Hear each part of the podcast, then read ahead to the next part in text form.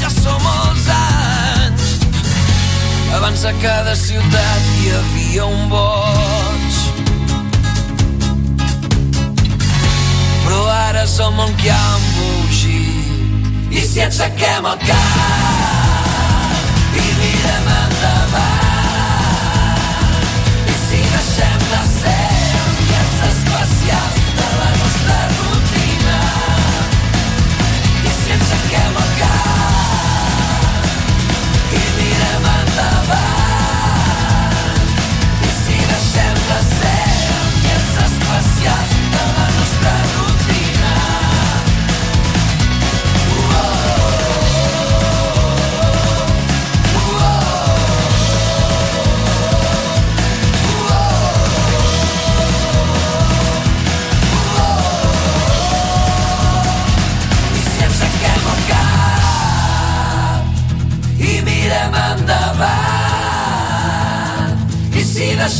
ser enviats especials de la nostra rutina.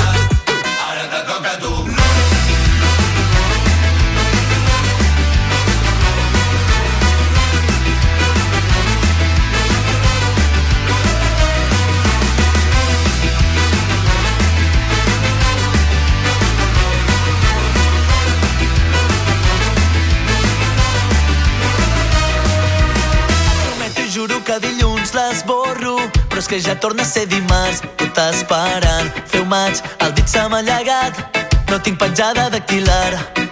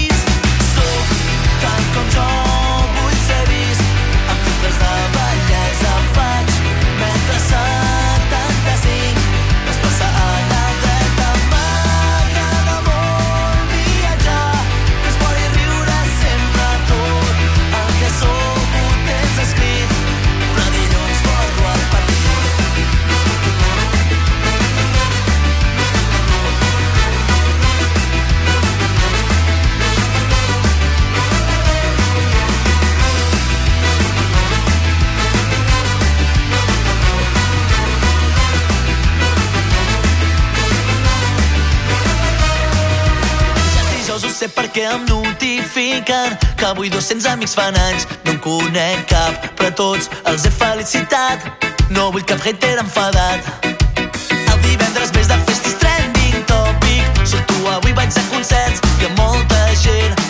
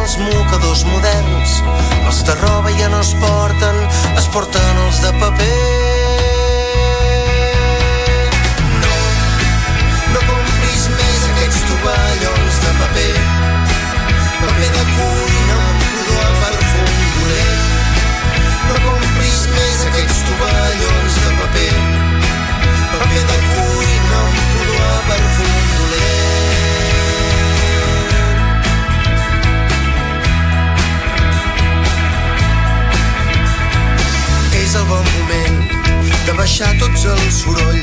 Tampoc cal que hi hagi tele en cada petit cafè, que els polítics deixin l'hàbit d'aplaudir-se al Parlament i que el regional de Renfe tregui l'aire condicionat a tota llet. És el bon moment de que no ens ho creguem tot. La cultura de la por que no ens acolloni a tots, que brindem de tant en tant i deixem de culpar-nos més i també que les tietes se'n vagin a l'ús de.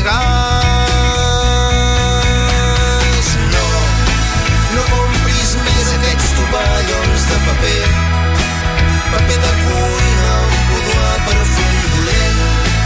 No compris més aquests tovallons de paper, paper de cuina amb pudor a perfum dolent. No compris més aquests tovallons de paper, paper de cuina amb pudor a perfum dolent. No compris més aquests tovallons de paper, paper de cuina amb pudor a perfum dolent. No compris més aquests tovallons de paper, paper de cuina amb pudor aquests tovallons de paper, paper de cuina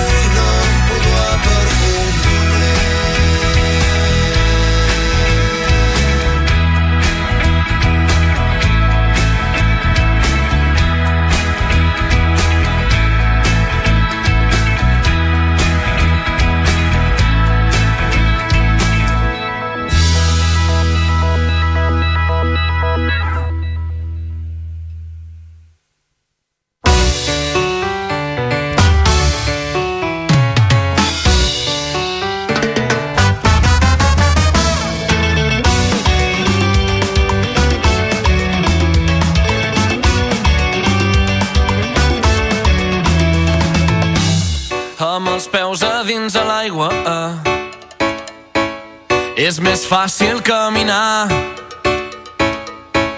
Mil colors a banda i banda. Eh. És precís saber parar.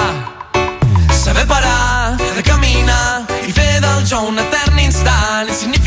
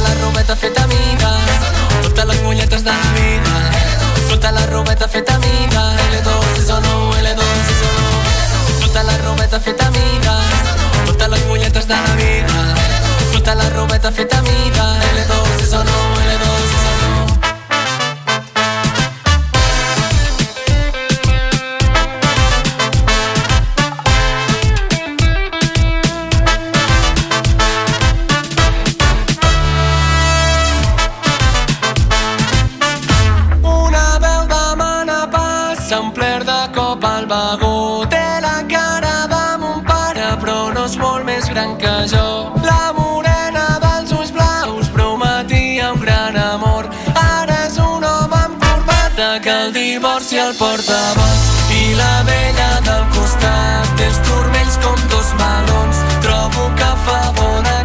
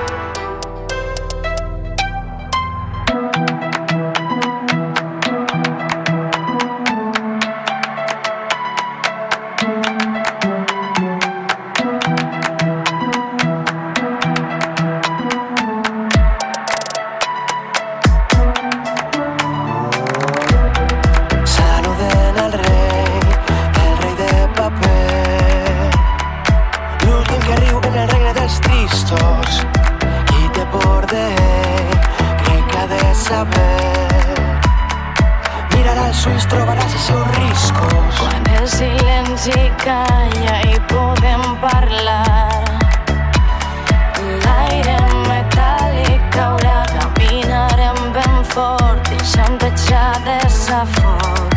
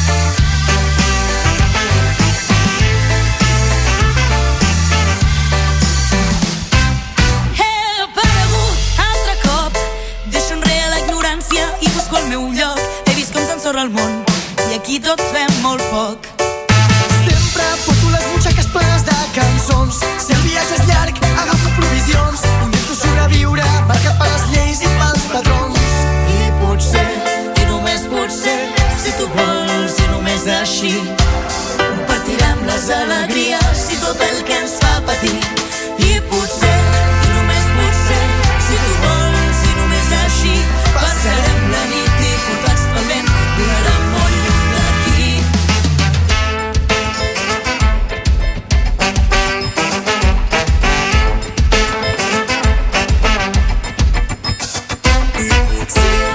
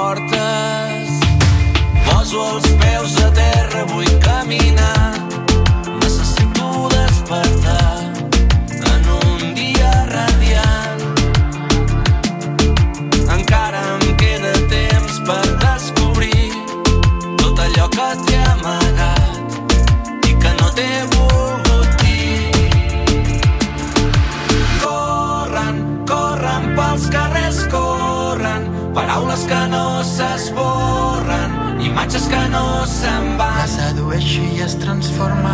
I ploren, ploren pels que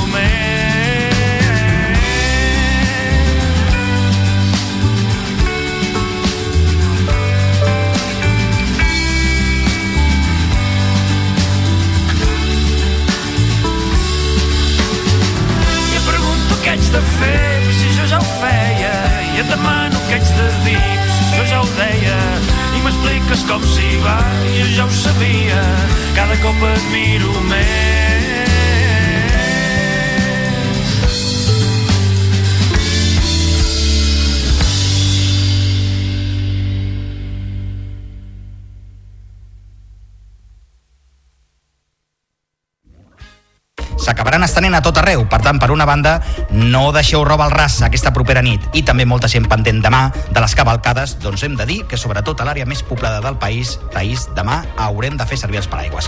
I n'estarem pendents a la xarxa. Notícies en xarxa, edició matí. La xifra d'aturats a Catalunya va repuntar per tercer mes consecutiu al desembre i va sumar prop de 3.500 desocupats més en relació al novembre, coincidint amb el tancament de l'any. Tot i aquest increment, és la dada més baixa en aquest mes de desembre des del 2007. Catalunya ha estat un dels tres únics territoris de l'Estat on l'atur va pujar el passat mes de desembre respecte al novembre.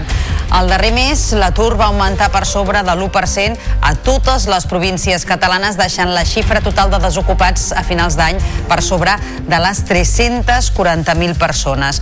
Però si terminem en compte les dades interanuals, l'atur baixa pràcticament un punt. De fet, aquest passat desembre hi ha uns 3.000 desocupats menys que ara fa un any. Per sectors, al desembre l'atur va pujar als serveis, seguit de l'agricultura. En canvi, l'ocupació va créixer a la construcció i a la indústria. El conseller de, Terra de Treball, Roger Torrent, admet que l'augment de l'atur al desembre és poc habitual, sobretot en els serveis. I de tota manera, Torrent ha qualificat el 2023 com un any de rècord absolut per al mercat laboral català. Um, cosa que fa que puguem considerar aquest 2023 com un any rècord pel que fa a l'ocupació. Eh? L'any que acabem de tancar ha estat un any rècord en aquest sentit des del punt de vista de que mai havíem tingut tanta gent treballant com fins ara el 2023, de fet, vam superar la barrera dels 3,7 milions d'afiliacions a la Seguretat Social. Doncs busquem ara reaccions a aquestes dades de l'atur. Ho fem amb el secretari de Treball i Economia de Comissions Obreres a Catalunya, Ricard Ballera. Molt bon dia. Bon dia, Tais. Molt bon dia. Quina és la valoració que en feu vosaltres des del sindicat de les dades d'atur? Si ens referim primer, després ja parlarem del balanç anual, però si ens referim primer a l'evolució del mes de desembre respecte al novembre. L'evolució del desembre respecte al novembre, com deies tu, és, és, uh, és, és bona, tot i així hi ha alguns sectors que són preocupants. No? Per exemple, tenim, tot i que siguin dades que en termes absoluts són petites, com la construcció, no? que incrementen 637 persones, però si pensem no, que s'estan demanant 1.500 no? en un gran estadi que s'està construint un club que és més que un club, doncs entenem que és, és, és com a mínim estrany no? que tinguem per un costat demanda no? en, en, un, en una gran obra no? com és la del, la del uh, estadi no? I al mateix temps tinguem doncs, 650 persones que perden una, que, el seu lloc de treball a la construcció. No? Per tant, és, eh, tenim unes dades que són, que són bones. A nivell, si ho, eh, si ho mirem en clau anual, no són tan bones pel que fa al registre de l'atur. Tenim un registre de l'atur que, que s'incrementa en eh, 3.000 persones, Um, però l'any passat teníem encara una, una reducció, no? que redueix perdona, en 3.000 persones, però l'any passat es reduïa gairebé en 23.000. No? Per tant, no tenim la mateixa cap capacitat de treure gent de l'atur, però sí que tenim la mateixa capacitat de crear ocupació i això ho veiem amb les dades de l'afiliació a la Seguretat Social. No? L'any 2022 vam incrementar en 96.000 afiliats i afiliades i el 2023 hem augmentat en 94.000. Per tant, resumint, estem creant ocupació però no aconseguim que molta gent que està a l'atur en sectors que fins i tot hi ha demanda puguin trobar el seu lloc de treball. I on rau el problema? Problema rau en, en diferents uh, qüestions. Una, una que pensem nosaltres que té cada, vegada més pes és uh, el tema de, de l'edat. Eh? I l'altre seria el desencaix entre a nivell de qualificacions. No? Les persones que romanen molt de temps a l'atur hi han dues raons habitualment. No? Una és, per exemple, en el cas dels aturats de llarga durada, que són els que porten més d'un any a l'atur, el 75% tenen més de 45 anys. No? I al mateix temps són perfils que són de baixa qualificació. No? Per tant, el que convé moltíssim és fer una campanya que estem demanant al Servei Públic d'Ocupació de Catalunya ja fa temps, no? una campanya contra l'edadisme on hauríem de comptar també amb la complicitat i el suport eh, de les patronals per realment fer entendre que les persones amb més de 45 anys eh, tenen criteri, tenen experiència i per tant tenen molt que aportar al teixit eh, productiu i per l'altre costat fer polítiques d'ocupació per persones eh, que estan en situació d'atur que millorin el que és la seva qualificació professional, per tant, de poder adaptar-les a aquesta demanda que tenim a les empreses. Recordem que tu de, ho deies, tenim 343.000 persones que estan a l'atur i al mateix temps tenim les patronals que s'estan queixant que tenen vacants obertes i que no, no saben cobrir. Falla bastant, doncs, la, la formació i l'adaptació mm, d'aquesta formació que han de rebre els treballadors o els potencials treballadors a les demandes que tenen les empreses. Per exemple, penso en el cas de la FP. Eh? Sí, tenim, tenim diferents forces que actuen no, al mercat de treball. Eh, hi ha una molt important que és el canvi, el canvi el- a la doble transició. No? Per un costat, els canvis que tenen a veure directament amb la tecnologia i els altres canvis també que tenen a veure amb, amb el teixit productiu que s'ha d'adaptar a un esquema de més sostenibilitat. No? I això afecta a, molt, a molts sectors i, per tant, requereix que moltes qualificacions eh, s'actualitzin. No? Nosaltres ho estem intentant acompanyar això amb una cosa que és molt, molt important, que es diu prospectiva, no? que és, diguem, la capacitat d'anticipar-se a aquelles necessitats del mercat de treball, poder-les endevinar i, per tant, mitjançant l'orientació, conduir o suggerir no? o facilitar que les persones puguin formar-se en qualificacions que després tinguin realment sortida al mercat de treball. Allà estem fent un esforç molt important penso que tant els departaments del govern com també a les organitzacions sindicals i patronals en el marc del sistema de formació i qualificació professional de Catalunya. Però això serà poc si no hi ha un element que ens falta i que, si em permets, jo voldria subratllar. Sí. Uh, a la darrera llei d'ocupació, uh, una cosa que, que es planteja és la necessitat que les empreses publiquin les seves vacants. No, no tenim prou que FEDEA, Funcas o la patronal surti dient que tenen vacants sense cobrir. El que volem saber quines vacants són. Volem que es publiquin aquestes vacants i que el Servei Públic d'Ocupació de Catalunya tingui la possibilitat, l'oportunitat de cobrir aquestes vacants mitjançant allò que és, el, que és el servei que tenen encomanat, que és la intermediació laboral. Si les patronals no publiquen les seves vacants, serà molt complicat que tinguem un Servei Públic d'Ocupació de Catalunya que realment pugui fer front al que és la seva responsabilitat. I no ho fan actualment. Moltes d'aquestes ofertes no arriben a coneixement públic. No, no arriben. Tenim una, tenim una, una publicació d'ofertes al, al SOC que és molt baixa i, i això té un efecte cadena perquè la gent no sé si pregunteu al vostre voltant eh, si la gent té confiança en que si s'adreça al SOC et trobarà una feina et diuen que no, que li trobaran un curs, que li faran una orientació, que li donaran l'atenció que requereix, però no necessàriament li donaran feina. I això per què? Perquè hi ha molt poca intermediació. I penso una cosa, que fins i tot l'oferta pública no passa pel SOC actualment. Si, si la pròpia administració pública no posa la seva oferta o no deixa que la tramiti el Servei Públic d'Ocupació, doncs és, és complicat, evidentment, que també que l'empresa doni el pas. No? Això és un, és, un, és un element que és molt, molt important, que el marc legislatiu actualment ho facilita i que, per tant, ens hem de prendre seriosament, com també el tema de l'edatisme, per poder donar un pas al davant i aconseguir el que no estem aconseguint, que és reduir uh, aquesta, aquest atur per sota del 8%. O sigui, sembla que hem arribat al 8%, 8,5%, i d'allà no hi ha manera de baixar. No? Això és el que es diu atur estructural, que en altres països estan al 4, en el 5, a Alemanya, per exemple, i nosaltres no aconseguim baixar del 8. No? Això requereix, reclama d'un esforç conjunt al teixit productiu, en les administracions públiques, i, i això és el que estem demanant en aquells espais que, que puguem treballar eh, mitjançant el diàleg, el diàleg social. Ricard Ballera, secretari de Treball i Economia de Comissions Obreres a Catalunya. Gràcies, com sempre, per atendre'ns. Molt bon dia. Gràcies a vosaltres, Tais. Bon dia. Més qüestions. Un centenar de treballadors de la presó de Ponent s'han manifestat per denunciar les últimes agressions que han patit i les condicions laborals que arrosseguen des de fa anys. Els sindicats reclamen mesures urgents a l'administració per tal de revertir la degradació d'un centre que consideren obsolet i que els ha dut a una situació insostenible. Ens ho expliquen des de Lleida TV. Un centenar de treballadors de la presó de Ponent s'ha manifestat davant el centre penitenciari per les últimes agressions que han patit per part de presos i les condicions laborals que arrosseguen des de fa anys. Es tracta de casos de violència física i també sexual que han portat a la plantilla a una situació límit per la qual demanen solucions a l'administració. Els sindicats lamenten que la presó de Lleida és la més antiga de Catalunya amb mancances importants en diferents àmbits i que no hi ha prevista cap tipus de remodelació. Les agressions han augmentat i, a més, hi ha un dèficit important de plantilla.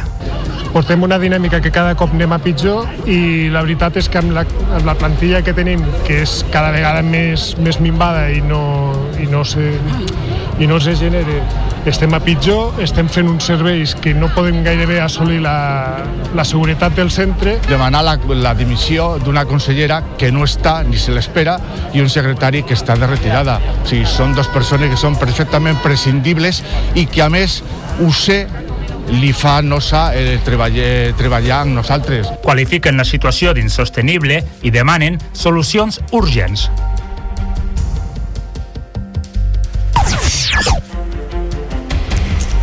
I encara en clau laboral, Ibèria i els sindicats, comissions obreres UGT i USO van finalitzar ahir dimecres una nova reunió sense obtenir un acord davant els quatre dies de vaga convocats coincidint amb la festivitat de Reis del 5 al 8 de gener en el servei d'assistència a terra d'Ibèria. La companyia ha lamentat la falta d'acord amb els sindicats convocants de la vaga. I avui el conseller de Salut, Manel Balcells, es reunirà amb el Sindicat Infermeres de Catalunya. La trobada que fons del departament circumscriuen a una reunió institucional es produirà enmig de la vaga indefinida de les professionals de la infermeria iniciada el 12 de desembre i només quatre dies abans de la primera de les manifestacions convocades pel sindicat a Barcelona.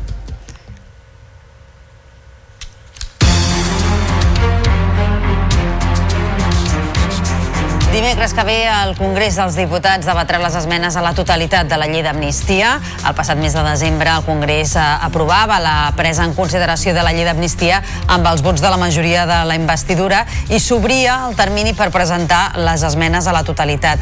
Un termini que acabava ahir dimecres a la tarda. El PP i Vox presentaven per separat les seves esmenes que no tiraran endavant perquè no tenen prou majoria.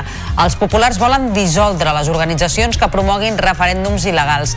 El portaveu de la formació al Congrés, Miguel Tellado, ha explicat que l'esmena planteja la creació d'un delicte de deslleialtat constitucional. Proponemos la reforma del Código Penal para incluir una serie de delitos de deslealtad constitucional, castigando a aquellas autoridades, cargos públicos, funcionarios públicos que promuevan la inobservancia de las leyes o el incumplimiento de las resoluciones judiciales, buscando perjudicar la unidad de nuestro país, tipificando las declaraciones de independencia y tipificando también los referéndums o consultas ilegales y promoviendo la disolución de las organizaciones o personas jurídicas que incurran en cualquiera de estos delitos. I encara parlant de política, el govern reclama responsabilitat i compromís als grups polítics, especialment al PSC, per aprovar aviat els pressupostos del 2024. L'executiu s'ha mostrat optimista de cara a tancar un acord amb més d'un partit en les pròximes setmanes. Ens ho explica la nostra companya Mont Carvajal. El govern comença un any ple de deures polítics. Els dos més imminents, la sequera i aprovar els pressupostos. Pel que fa als comptes, l'executiu els vol aprovar aquest mes o el vinent i demana responsabilitat i compromís als partits, especialment al PSC, que ja ha expressat dubtes que sigui tan aviat. La portaveu Patricia Plaja s'ha mostrat optimista que hi haurà acord ben aviat i ha demanat corresponsabilitat als possibles socis per aprovar uns comptes expansius que revertiran en tothom, ha dit. cal compromís per part de tots, responsabilitat, el govern el té tot el compromís i la responsabilitat i som plenament conscients que som, és aquest govern a qui li pertoca ser capaç d'aprovar aquests pressupostos però evidentment dos s'entenen només quan l'altra part també vol i això és el que, en el que estem treballant. I estem convençuts que serem capaços de, de deixar enrere aquelles diferències de partits per arribar a acords de, de país, que en aquest cas és l'aprovació dels pressupostos que revertiran molt positivament en tot el conjunt de, de la ciutadania. L'altra urgència serà la sequera. La setmana vinent es reunirà de nou la comissió interdepartamental, però el govern assegura que s'entrarà en emergència a final de mes.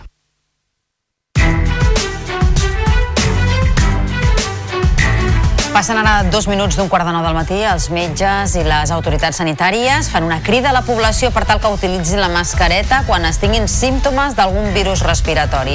La comunitat mèdica recorda que la mascareta és una mesura efectiva per frenar l'augment continuat dels virus respiratoris, especialment la grip i la Covid, que s'aturen cada dia més als serveis d'urgències, tant d'hospitals com de centres de primària. En plena pujada d'aquests virus, la grip ara és el que més preocupa els responsables del Departament de Salut. Representa més d'un 40% de les infeccions i és la malaltia que genera més consultes al 061 i més urgències hospitalàries i a l'atenció primària. Francesc Xavier Jiménez és el director del Pla Nacional d'Urgències. Ens trobem a la fase de pujada encara de la- de l'epidèmia, de, les infeccions per grip. No, no sabem encara quan arribarà el, la, la, la fase d'estabilització i posterior baixada. Són festes de retrobament familiar, molt de cúmul de gent amb espais tancats per les baixes temperatures. La vacuna contra la bronquiolitis a nadons de fins a 6 mesos ha disminuït entre un 75 i un 80% les hospitalitzacions i els ingressos a UCI pediàtrica a l'Hospital Germans Trias i Pujol. Els pediatres celebren la immunització dels més petits i la consideren un èxit absolut. Ens ho expliquen des de la televisió de Badalona. La llau de casos de bronquiolitis que els serveis de pediatria dels hospitals catalans van viure l'any passat contrasta amb la situació actual. I és que aquest ha estat el primer hivern que s'ha immunitzat als nadons contra el virus respiratori sincicial, principal causant de la malaltia. Es tracta d'una vacuna que només consta d'una dosi i que té una eficàcia de 5 mesos. Segons els pediatres, sense aquesta immunització s'hauria repetit l'escenari de l'any passat. L'any passat vam haver d'augmentar els llits no? i omplir més espais, aquest any no fa falta, i en cures intensives eh, és anecdòtic, hi ha alguns casos petits, però molts, poc, molt poc. Així com l'administració de la vacuna contra la bronquiolitis ha estat un èxit a Catalunya, superant el 85%, no ha estat el cas de la vacuna contra la grip per a menors de 5 anys. La grip en si mateixa no és greu, però sí que fa- afavoreix infeccions potencialment greus per bacteris. Eh? Això sí que ho fa, la grip. Eh? I aquesta és una raó molt potent per vacunar de la grip a nens menors de 5 anys. Fa dues setmanes que els casos de bronquiolitis es troben a la baixa. Amb tot, els pediatres aconsellen apropar els més petits a urgències en cas de notar dificultats per respirar. Les farmacèutiques es troben en alerta per la venda de medicaments il·legals i per les conseqüències que aquesta pràctica té en els consumidors. L'Organització Mundial de la Salut afirma que un 21% dels medicaments que circulen són de qualitat considerada subestàndard o bé falsificats. És una crònica de la televisió de Girona. Aquests laboratoris clandestins falsifiquen des del paquet fins al producte.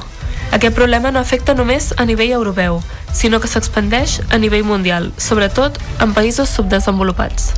doncs aquests laboratoris clandestins han captat, han captat aquesta manca de medicaments i llavors el que fan és fer una còpia il·legal d'aquesta medicació, amb la qual això és un perjudici molt important perquè comporta la mortalitat eh, en aquests països, mortalitat de gent mm, pensant-se que es posen els medicaments doncs, tant de nens com d'adults, pensant que es, que es prenen un medicament legal, doncs, eh, clar, aquell, aquell medicament no fa l'efecte que hauria de fer.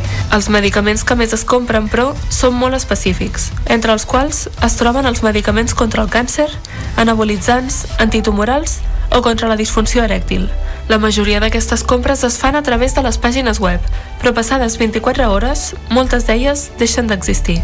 La garantia per saber que la compra és legal és anar a la farmàcia, ja que segueixen un mètode de seguretat molt controlat. Operació conjunta de la Guàrdia Civil i la Gendarmeria Nacional Francesa que ha permès desarticular una organització criminal dedicada al tràfic internacional de cocaïna, marihuana i cànnabis. Han estat detingudes 22 persones al Maresme, la Selva, Bordeus i Tolosa. L'organització venia la droga a través de l'aplicació de missatgeria Telegram, realitzava els enviaments fent servir els serveis de paqueteria postal i rebia els pagaments en criptomonedes. Els dos cossos policials, de manera simultània, van dur a terme 22 escorcolls, 18 a França i 4 a Catalunya. I una dona ha mort i dos menors han quedat ferits aquest dimecres a la tarda en un accident de trànsit a Flix, a la comarca de la Ribera d'Ebre. El sinistre ha passat a la carretera C12 quan el cotxe en què viatjaven els tres ha xocat contra un camió per causes que s'investiguen. La dona era veïna de Flix i tenia 46 anys.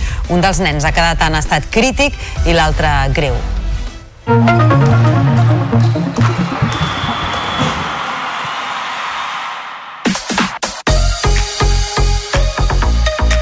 El Girona es manté al capdavant de primera divisió juntament amb el Real Madrid després d'obtenir una victòria èpica sobre l'Atlètic de Madrid amb un gol al temps afegit. Es van avançar ràpid els gironins al minut 2 amb un gol de Valeri que van igualar els matalassers poc després amb el primer dels tres gols que va fer Morata. En una primera part trepidant, Savinho va tornar a avançar els locals i Blind establia el 3 a 1 poc abans del descans. Però abans de marxar a vestidors, reduïa diferència referències Morata, que la represa tornava a deixar el partit igualat. I després de suar per mantenir l'empat, a l'afegit, Ivan Martín va fer el gol de la victòria que va fer esclatar Montilivi. El tècnic Mitchell Sánchez estava molt satisfet amb l'actitud de l'equip.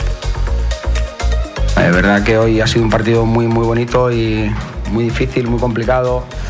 Hemos hecho muchas cosas bien, el Atleti también. Bueno, partidazo donde, bueno, creo que mis jugadores tienen una mentalidad increíble. Resiliencia cuando los momentos son malos e intentan siempre ir hacia adelante. Y eso es, para mí, es un éxito total de, de estos jugadores. Avui és el torn del Barça, quart classificat, que visitarà dos quarts de deu a Les Palmes. Podria ser l'estrena com a blaugrana de Vitor Roque. I és que el davanter brasiler ja ha estat inscrit i té el vistiplau per jugar a les Canàries davant un Les Palmes de García Pimienta, que és en zona mitjana. Xavi té la baixa de Marcos Alonso i també del central Íñigo Martínez. Tot i les baixes importants, l'entrenador del Barça considera que l'equip ha de demostrar que pot guanyar partits. Nosaltres crec que hem entrenat bé, eh, ens, han bé, ens han anat bé les vacances de, de Nadal per desconnectar i l'equip ha tornat molt bé. Així que esperem ja demostrar-ho al camp. Vull dir que al final ja s'obren les paraules crec que és moment d'actuar al camp de demostrar que podem guanyar partits i que podem jugar bé. De fet ho hem fet eh, en molts moments de, de l'any passat i hem de tornar a buscar i trobar aquesta continuïtat en el, en el joc i en els resultats El Barça de bàsquet tanca la mala ratxa, trenca la mala ratxa amb una victòria al Palau sobre el Real Madrid en partit de l'Eurolliga. Després de set derrotes en 10 partits, els blaugranes van reaccionar amb un bon partit davant els blancs en què va destacar Vesely, autor de 27 punts. Al final, triomf per 83 a 78 que deixa els blaugranes tercers a l'Eurolliga a quatre victòries del Real Madrid.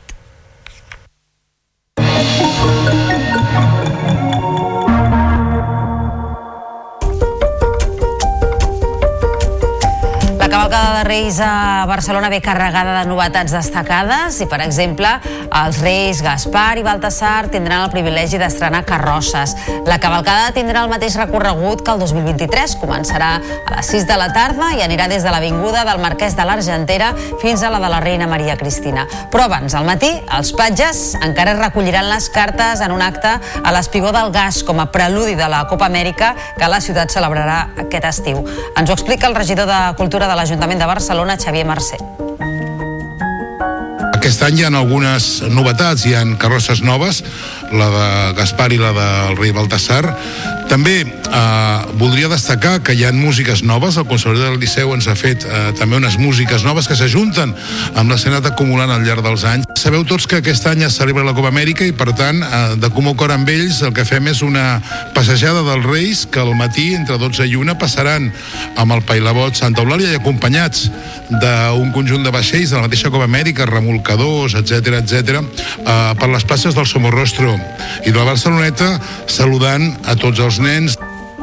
I a Sant Cugat del Vallès també ja ho tenen tot preparat per a rebre els reis. Els ambaixadors reials han instal·lat el seu campament al claustre del monestir. Allà tothom pot entregar les seves cartes als emissaris de ses majestats als reis d'Orient. I després de l'èxit de l'any passat, amb el pessebre de grans dimensions i de temàtica hebrea que van construir dos veïns de Pons, enguany han volgut repetir. Ho han fet però d'una manera ben especial, convertint el nucli de Ribelles i el seu castell en pessebre.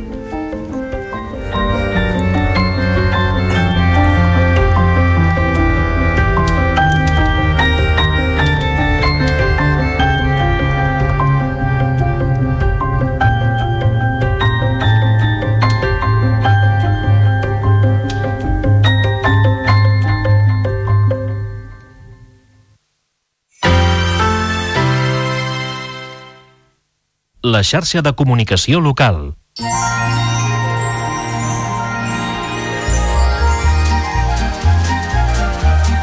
Què és el tortell de Reis? Són unes postres típiques del dia de Reis. És un dolç fet amb una massa semblant al brioix, que de vegades es farceix de massapà. Dins de la massa s'hi amaguen una figureta i una fava seca. Qui troba la figureta esdevé el rei de la casa i qui troba la fava, tradicionalment, ha de pagar el tortell. L'Estel d'Orient quina mena d'estel era.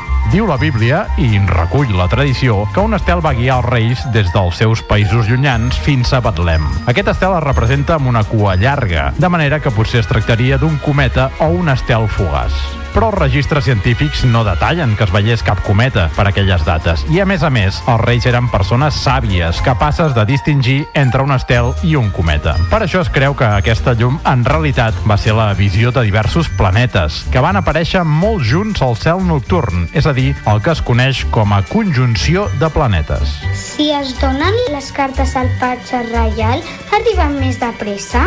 Totes les missives que s'envien per correu arriben puntuals a ses majestats, però hi ha nens que esperen fins a l'últim moment i tenen por que la carta no arribi a temps. En aquests casos, donar-la a un patge reial o fins i tot a un dels reis en persona és una excel·lent opció per agilitzar el procés.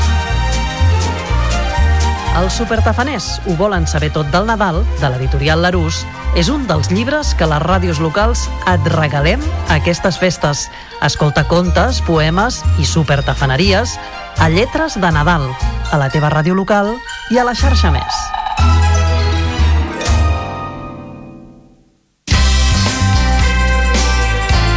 La xarxa de comunicació local.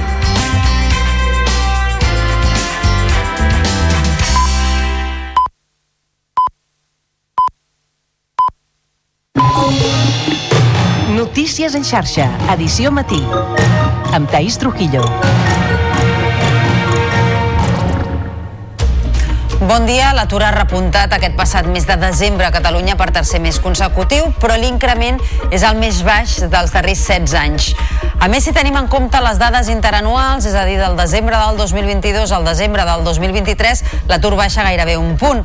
En xifres absolutes hi ha actualment 3.000 desocupats menys que ara fa un any. El Partit Popular proposa dissoldre les organitzacions que promoguin referèndums il·legals. Els populars presenten la seva esmena a la totalitat a la llei d'amnistia que es debatrà la setmana que ve al Congrés dels Diputats. Els metges i les autoritats sanitàries fan una crida a la població per tal que utilitzin la mascareta quan tinguin símptomes d'algun virus respiratori. La comunitat mèdica recorda que la mascareta és una mesura efectiva per a frenar l'augment continuat dels virus respiratoris. Cau una banda internacional de narcotraficants que des de Catalunya venia droga per Telegram i cobraven criptomonedes. La Guàrdia Civil i la Gendarmeria francesa han fet 22 detencions entre Catalunya i França. A Massanet de la Selva, les forces de seguretat han arrestat un dels caps de la banda. Els Reis estan a punt de fer el repartiment de regals per aquest 2024 i els pares, com cada any, tenen dubtes sobre la quantitat de joguines que haurien de rebre els petits. D'aquí a uns minuts en parlarem d'aquest tema amb la psicòloga infantil Núria Casanovas, que és membre del Col·legi Oficial de Psicologia. I també passarem pel campament dels Reis a la capital de la Garrotxa, amb els companys eh, d'Olot TV.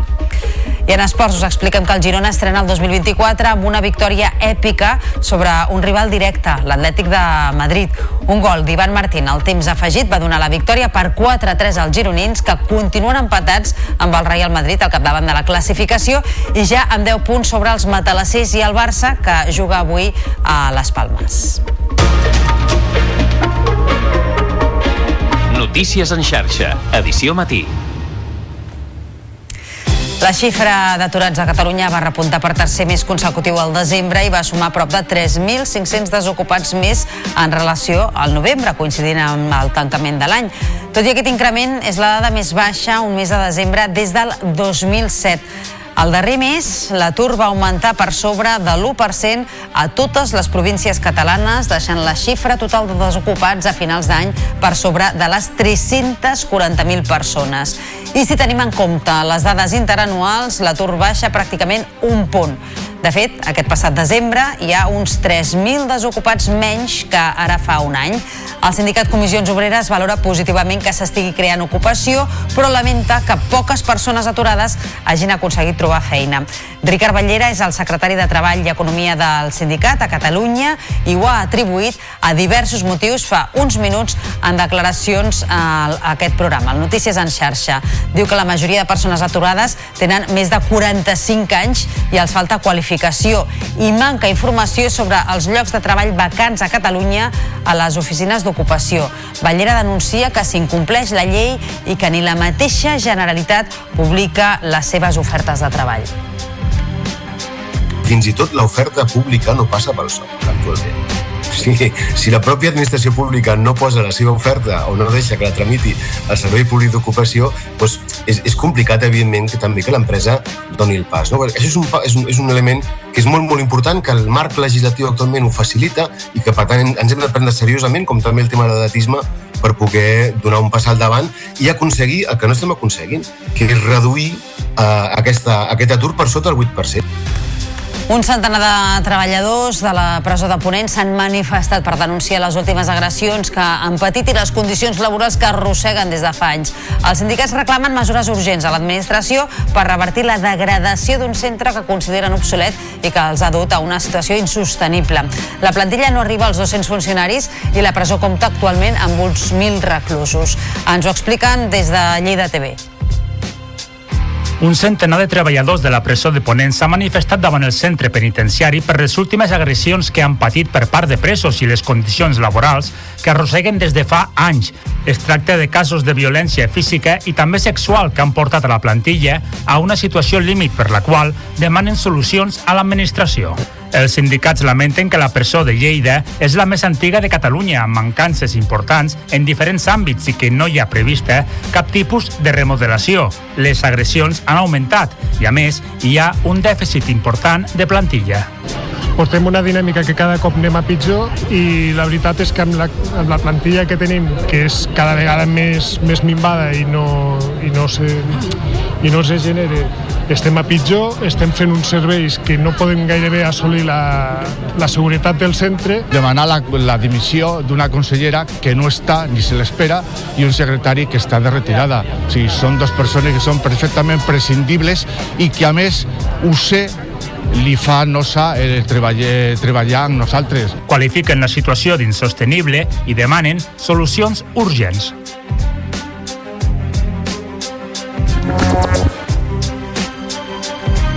I encara en clau laboral, Iberia i els sindicats Comissions Obreres, UGT i USO van finalitzar ahir dimecres una nova reunió sense obtenir un acord davant els quatre dies de vaga convocats coincidint amb la festivitat de Reis del 5 al 8 de gener en el Servei d'Assistència a Terra d'Ibèria. La companyia ha lamentat la falta d'acord amb els sindicats convocants de la vaga.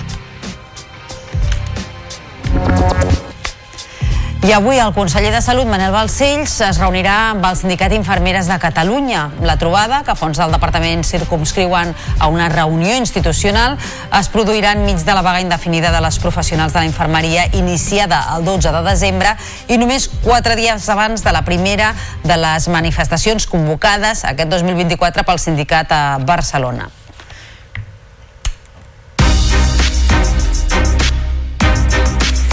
Dimecres que ve el Congrés dels Diputats debatrà les esmenes a la totalitat de la llei d'amnistia. El passat mes de desembre, el Congrés aprovava la, pres, la presa en consideració de la llei d'amnistia amb els vots de la majoria de la investidura i s'obria el termini per presentar les esmenes a la totalitat. Un termini que acabava ahir dimecres a la tarda. El PP i Vox presentaven per separat les esmenes que no tiraran endavant perquè no tenen prou majoria. Els populars volen dissoldre les organitzacions que promoguin referèndums il·legals. El portaveu de la formació al Congrés, Miguel Tellado, ha explicat que l'esmena planteja la creació d'un delicte de deslleialtat constitucional. Proponemos la reforma del Código Penal para incluir una serie de delitos de deslealtad constitucional castigando a aquellas autoridades, cargos públicos, funcionarios públicos que promuevan la inobservancia de las leyes o el incumplimiento de las resoluciones judiciales, buscando perjudicar la unidad de nuestro país, tipificando las declaraciones de independencia y tipificando también los referéndums o consultas ilegales y promoviendo la disolución de las organizaciones o personas jurídicas que incurran en cualquiera de estos delitos.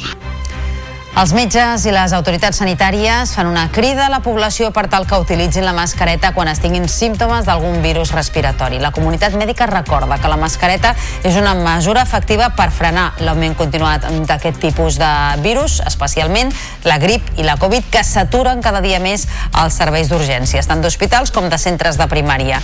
En plena pujada dels virus respiratoris, la grip ara és el que més preocupa els responsables del Departament de Salut. Representa més d'un 40% de les infeccions i és la malaltia que genera més consultes al 061 i més urgències hospitalàries i a l'atenció primària. Francesc Xavier Jiménez és el director del Pla Nacional d'Urgències. Ens trobem a la fase de pujada encara de l'epidèmia, de, de les infeccions per grip. No, no sabem encara quan arribarà el, la, la, la fase d'estabilització i posterior baixada. Són festes de retrobament familiar, molt de cúmul de gent amb espais tancats per les baixes temperatures.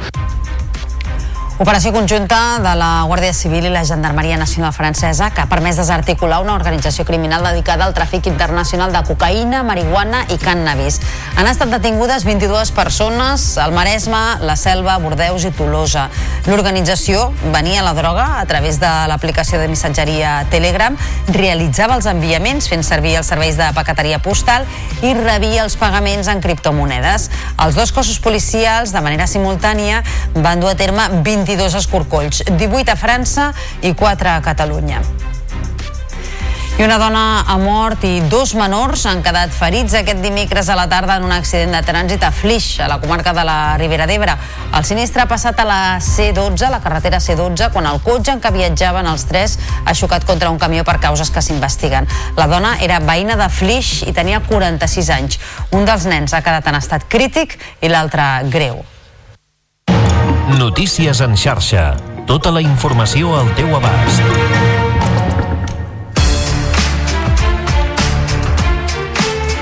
Els Reis estan ja a punt de fer la seva repartició de regals per aquest 2024 i les botigues de joguines els esperen amb els braços oberts per fer realitat les cartes dels nens i nenes de Palamós.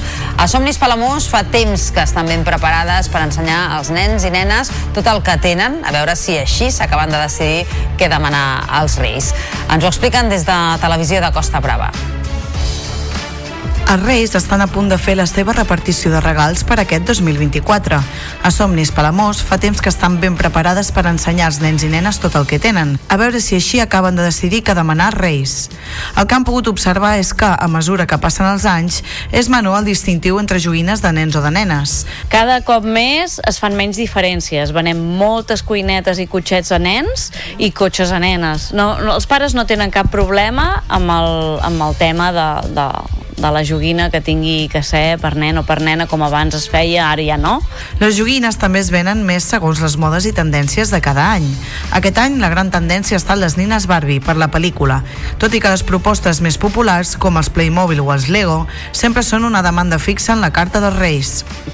Hem recuperat les Barbies, que potser um, aquest any han estat més de moda, que altres anys havien fet un baixón, i de nen, els Playmobils, els Legos, lo de muntar, es ven molt, D'altra banda, l'Anna destaca el compromís que els pares tenen cada cop més amb l'educació dels seus fills i filles, ja que cada cop en són més els que busquen jocs de tipus educatiu que, a més, proposin reunions i moments en família.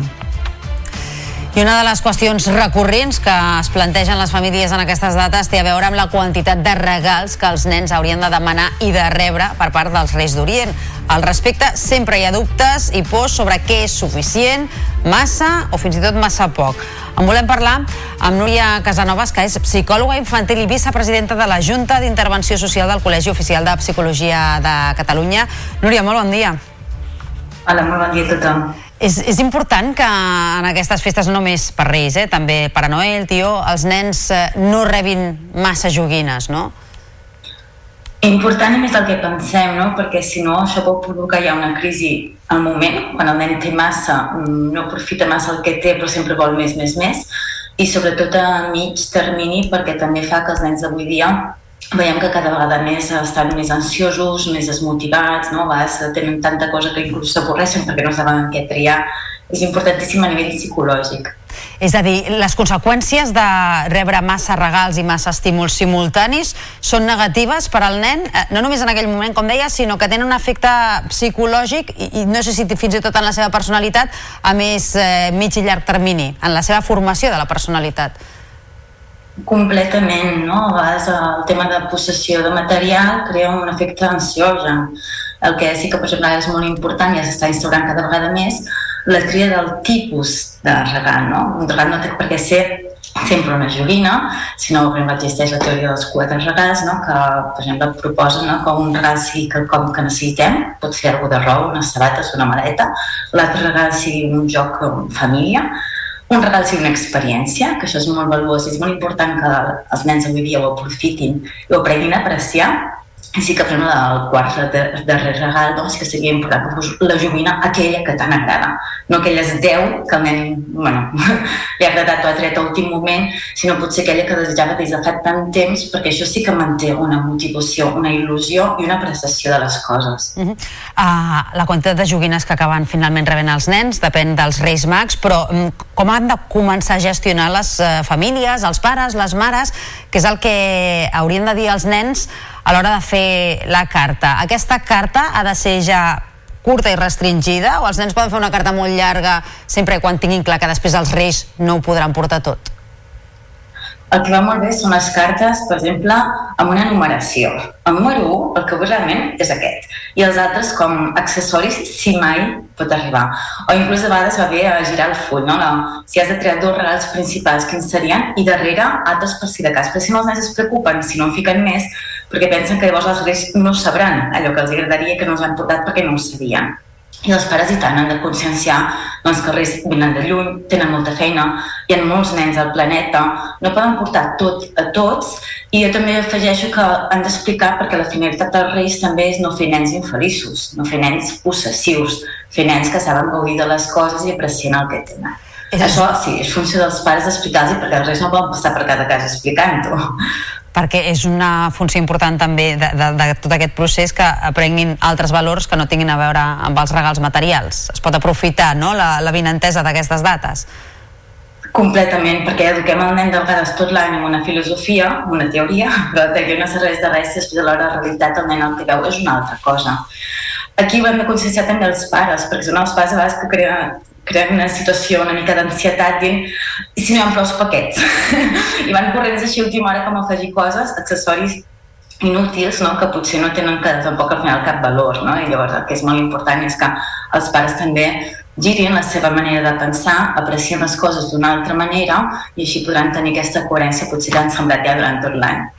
Núria Casanovas, psicòloga infantil i també vicepresidenta de la Junta d'Intervenció Social del Col·legi Oficial de Psicologia de Catalunya. Gràcies per haver-nos atès aquest matí al Notícies en xarxa. Molt bon dia. Fins a la propera. Gràcies. Bons Reis. Adéu, igualment. Doncs uh, ara anem fins a Olot perquè cada any la comitiva reial porta alguna sorpresa a la capital de la Garrotxa. Aquest any s'ha apostat per un campament i una cavalcada universals, és a dir, que puguin ser gaudides per tothom. Els Reis d'Orient seran més inclusius que mai en la seva estada i arribada a Olot, doncs, aquest 2024. Volem saber com ho han aconseguit i, per tant, saludem a la Natàlia Moreno i a en Gerard Puigdemont, companys de Olot TV. Gerard, molt bon dia. Bon dia, doncs sí, com bé explicaves, aquest any podríem dir que seran els reis més inclusius que s'hauran fet mai a, a Olot, uns reis que, per exemple, poden beneficiar a molts infants, infants, per exemple, amb trastorn d'espectre autista, infants amb alta sensibilitat, començant pel campament reial, que ja ho veieu ara, tots els personatges estan dormint, però que aquí durant la tarda hi ha molt de, hi ha molt de bullir. Si estem amb en Sergi Matabó, Sergi, bon dia. Hola, bon dia. Explica'ns una mica a quines han estat aquestes accions per fer de més inclusiu aquest campament reial. Val, bàsicament, el el principal ha estat aquest torns que hem, que hem afegit a partir de 3 quarts de 6, 15 minuts abans de l'habitual, en què es fa amb, amb baixos estímuls. Què consisteix en baixos estímuls? Música una mica més baixa, eh, a nivell de llum també és una mica més baix, no es tira fum, així les persones que necessiten doncs, una mica més de calma per visitar el campament doncs ho poden fer sense problema. Això serà pel que fa al campament i també estem amb en Cesc, com un altre dels directors de, del Reis aquí a Olot. Explica'ns també a la cavalcada què serà exactament el que fareu, perquè sí que hi ha reservat un tram on també els infants podran gaudir de tot això amb més tranquil·litat, no? Eh, exacte, Gerard, tal i com dius, el xamfrà del carrer Bisbe Lorenzana amb el Serra Ginesta, d'aquí a Olot, doncs també serà un tram en aquest sentit adaptat, es baixarà la intensitat lluminosa i la intensitat sonora i en els moments de, de més d'això no, no, no es tirarà foc. De la mateixa manera, al llarg del recorregut hi haurà unes botigues, unes botigues refugi per si algú té algun moment d'agòbio i d'angoixa o el que sigui, que també pugui tenir una zona més de confort i finalment a l'arribada al Firal, que és el lloc on acaben entrant els reis abans de seure els trons, doncs s'ha marcat una zona allà davant del teatre principal de, de, per gent amb mobilitat reduïda i també heu pensat fins i tot pensant en persones amb discapacitat visual, no? altres accions, fins i tot amb el menjar. Exacte, sí, hem intentat eh, agafar totes les necessitats de diferents col·lectius, intentar anar millorant. Eh, per exemple, ahir vam fer un acompanyament en discapacitat visual, en què bueno, s'ha protocolitzat una mica tot el que poden fer, tot el que poden tocar, se l'acompanya, un patge l'acompanya tot, durant tot el recorregut, li explica, i crec que bueno, pues està molt bé perquè poden disfrutar una mica millor. Moltes gràcies a tots dos. També podem parlar amb l'Aniol Cellabona, en aquest cas regidor a l'Ajuntament d'Olot. Aniol, això ja porteu temps fent-ho, algunes d'aquestes accions, algunes la van veure per fer altura a les atraccions, això dels baixos estímuls, una mica quina valoració en feu i per què cal apostar per això?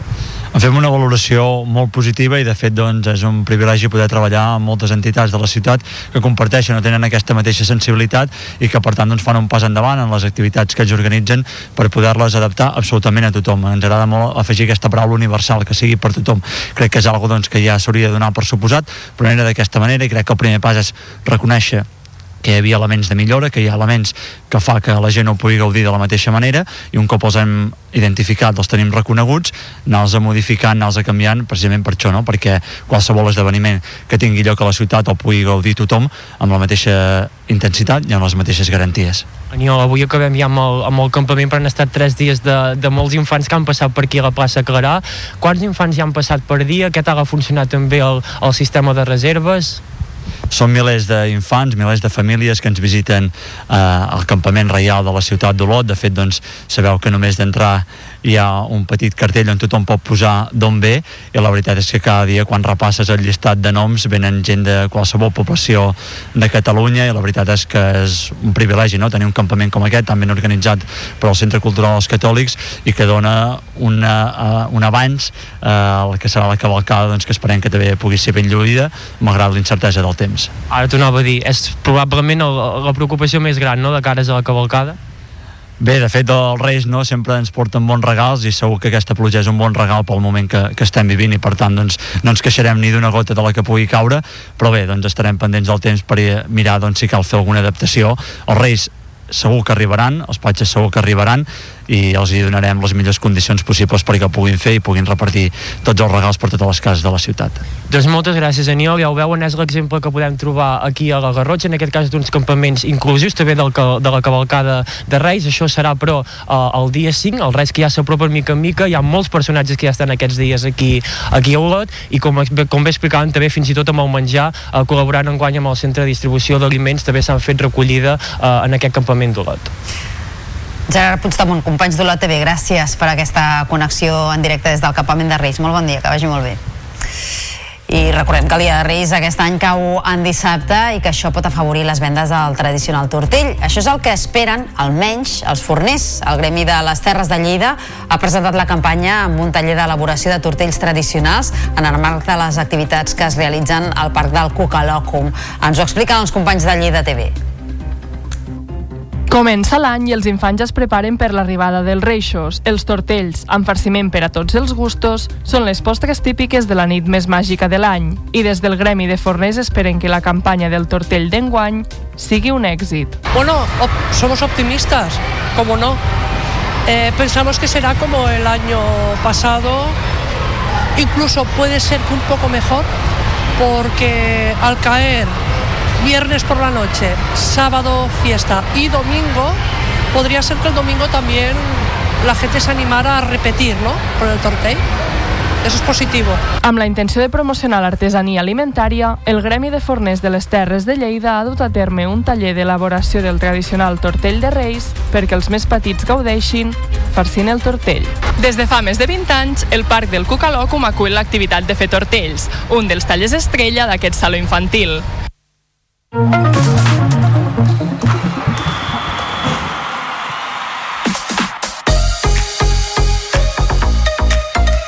El Girona es manté al capdavant de primera divisió juntament amb el Real Madrid després d'obtenir una victòria èpica sobre l'Atlètic de Madrid.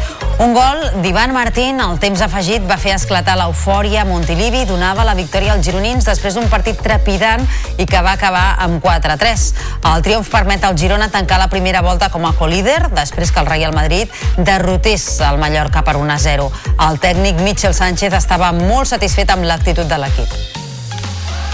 Es verdad que hoy ha sido un partido muy, muy bonito y muy difícil, muy complicado. Hemos hecho muchas cosas bien, el Atleti también. Bueno, partidazo donde, bueno, creo que mis jugadores tienen una mentalidad increíble. Resiliencia cuando los momentos son malos e intentan siempre ir hacia adelante. Y eso es, para mí, es un éxito total de estos jugadores. Avui és el torn del Barça, quart classificat, que visitarà a dos quarts de deu a Les Palmes. Podria ser l'estrena com a blaugrana de Vitor Roque, i és que el davanter brasiler ja ha estat inscrit i té el vistiplau per jugar a les Canàries davant un Les Palmes de García Pimienta, que és en zona mitjana. Tot i les baixes importants, l'entrenador del Barça considera que l'equip ha de demostrar a Les Palmes que pot guanyar partits. Nosaltres crec que hem entrenat bé, eh, ens, han bé, ens han anat bé les vacances de, de Nadal per desconnectar i l'equip ha tornat molt bé. Així que esperem ja demostrar-ho al camp. Vull dir que al final ja s'obren les paraules crec que és moment d'actuar al camp de demostrar que podem guanyar partits i que podem jugar bé. De fet ho hem fet eh, en molts moments de, de l'any passat i hem de tornar a buscar i trobar aquesta continuïtat en el, en el joc i en els resultats el Barça de Basca trenca la mala ratxa amb una victòria al Palau sobre el Real Madrid en partit de l'Eurolliga. Després de set derrotes en 10 partits, els blaugranes van reaccionar amb un bon partit davant els blancs en què va destacar Vesely, autor de 27 punts. Un parcial de 14 a 0, el darrer quart va decantar la victòria. Al final, triomf per 83 a 78, que deixa els blaugranes tercers a l'Eurolliga. Quatre victòries del Real Madrid que encapçala la classificació. I són hores decisives per al Centre d'Esport Sabadell perquè un grup d'empresaris italià és a, a punt de comprar el club. Ens ho expliquen des de la televisió de Sabadell. El Centre d'Esport Sabadell estaria a punt de canviar de mans. Un grup inversor italià s'ha reunit aquest dimecres amb l'actual propietat del club a la nova Creu Alta i la negociació, que va començar fa setmanes, estaria en els seus últims compassos. El secretari del club, Lluís Sales, ha mantingut una trobada amb el grup encapçalat per la família Guardaschione i els membres de l'agència B Soccer Management David Estuto i Gianluigi Marrafa, que ha publicat una primera fotografia a les xarxes des de l'estadi. En cas que l'operació fructifiqués, aquesta seria la primera experiència en el futbol futbol europeu d'aquest grup. A segona divisió, l'Espanyol prepara l'estrena d'aquest any que serà dissabte a les 9 de la nit al camp del Racing de Ferrol. Els jugadors i jugadores blanc i blaus, acompanyats per directius i veterans del club, han fet aquest dimecres la tradicional visita nadalenca a la Clínica Coratxan i a l'Hospital de Nens de Barcelona, on han entregat diversos regals nadalencs a nens i nenes ingressats aquests dies. I un altre club que també ha visitat els nens i nenes que aquests dies estan ingressats és el Joventut, que ha triat l'Hospital Germans Trias i Pujol de Badalona, una visita que ja és esperada per tothom i on hi han anat jugadors i jugadores com Jordi Rodríguez, Brodzianski, Marita, Piera i també Mayo. Doncs amb aquesta visita nadalenca dels esportistes acabem el Notícies en xarxa. Tornem demà a les 8 del matí amb més informació de territori i amb tota la informació prèvia sobre les cavalcades de Reis. Que vagi molt bé.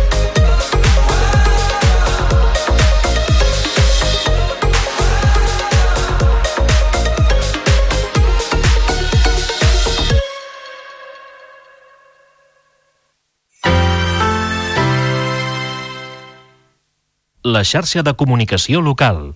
I have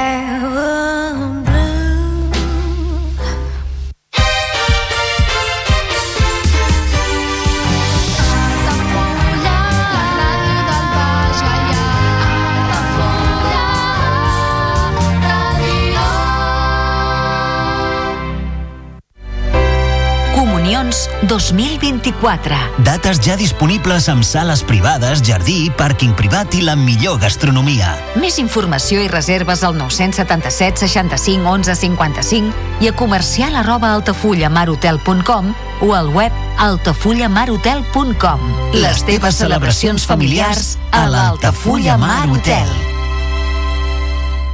Ja coneixes les propostes que t'ofereix el Club Marítim Altafulla? Vine i descobreix totes les nostres activitats. Sortides en caiac o pa del surf, cursos de vela per a totes les edats. No t'ho perdis. Club Marítim Altafulla. Obert tot l'any i per a tothom. Carrer Major, el programa de les emissores del Camp de Tarragona. Cada dia de 4 a 6 de la tarda, el que passa al Camp de Tarragona t'ho expliquem amb la major redacció d'un programa de territori quilòmetre zero. Periodisme de proximitat, continguts de qualitat, amb Anna Plaza i Toni Mateos. Carrer Major. Al meu país la pluja no sap ploure. Canvi climàtic asseca els rius, posa en risc l'abastament d'aigua i la producció d'aliments. Treballem per fer front a la sequera i garantir l'aigua, però cal l'esforç de tothom. Cada gota compte.